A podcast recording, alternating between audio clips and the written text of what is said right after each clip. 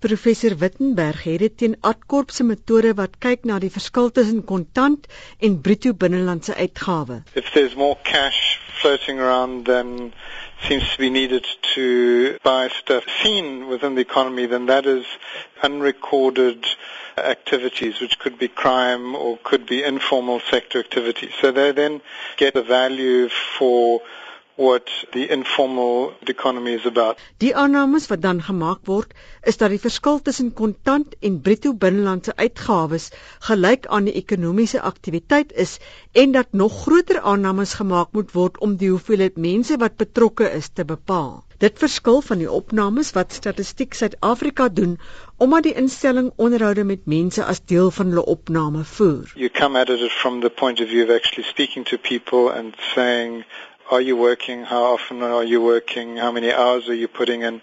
If you're not working, are you looking for work? And if you're not looking for work, what is it that you do? Are you a housewife? Whatever.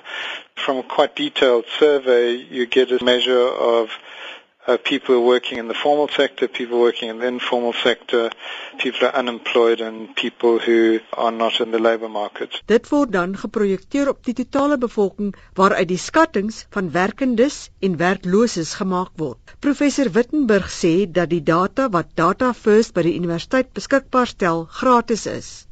Hy gee ook toe dat die inligting nie altyd 100% korrek is nie. If you want to know what's happening, you're better off interviewing people than trying to suck your thumb and taking cash figures and doing some voodoo on them and then getting some number popping out of nowhere.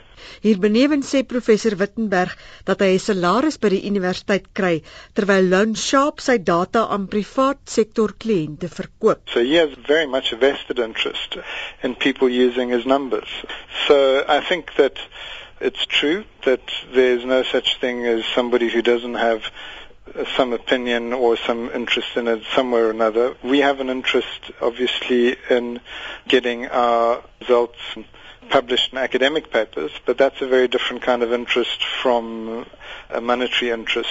Loan Sharp sê egter sy data in die werksindeks is ook gratis. We provide our data freely to anyone who would like it.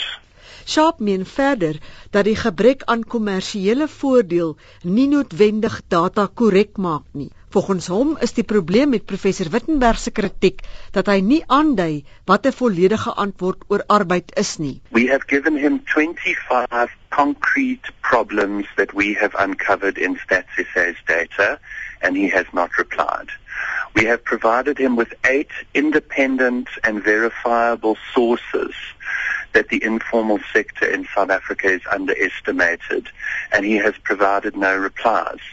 Instead, he's banging on about the currency demand method as if that were the only line of attack against the official employment figures. That is wrong and it's deliberately misleading. Sharp voeg by dat professor Wittenberg allermins onafhanklik is. Professor Wittenberg has a unit at UCT, Data First, that provides technology training and consulting services to users of StatsSA data.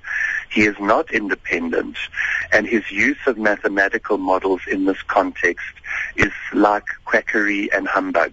Daar was glo 'n voortdurende kommunikasie tussen Wittenberg en Adkorp aldus Sharp. We provided him with refereed, peer-reviewed, accredited economic journal articles explaining our method. And he and his team suppressed that in their critique, which is a highly irregular academic practice.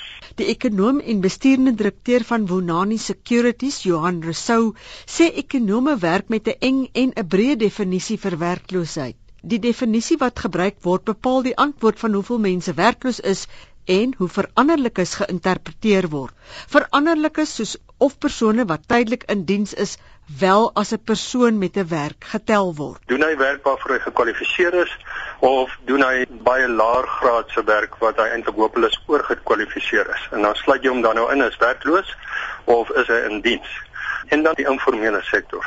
Sluit jy dit in of nie as iemand in die informele sektor betrokke is En al daai aspekte maak dus dat mense wat probeer reken wat werkloosheid beloop het by verskillende antwoorde gaan uitkom. Johan Rousseau, die ekonom en bestuurende direkteur van Wonani Securities, Mitsi van der Merwe in Johannesburg.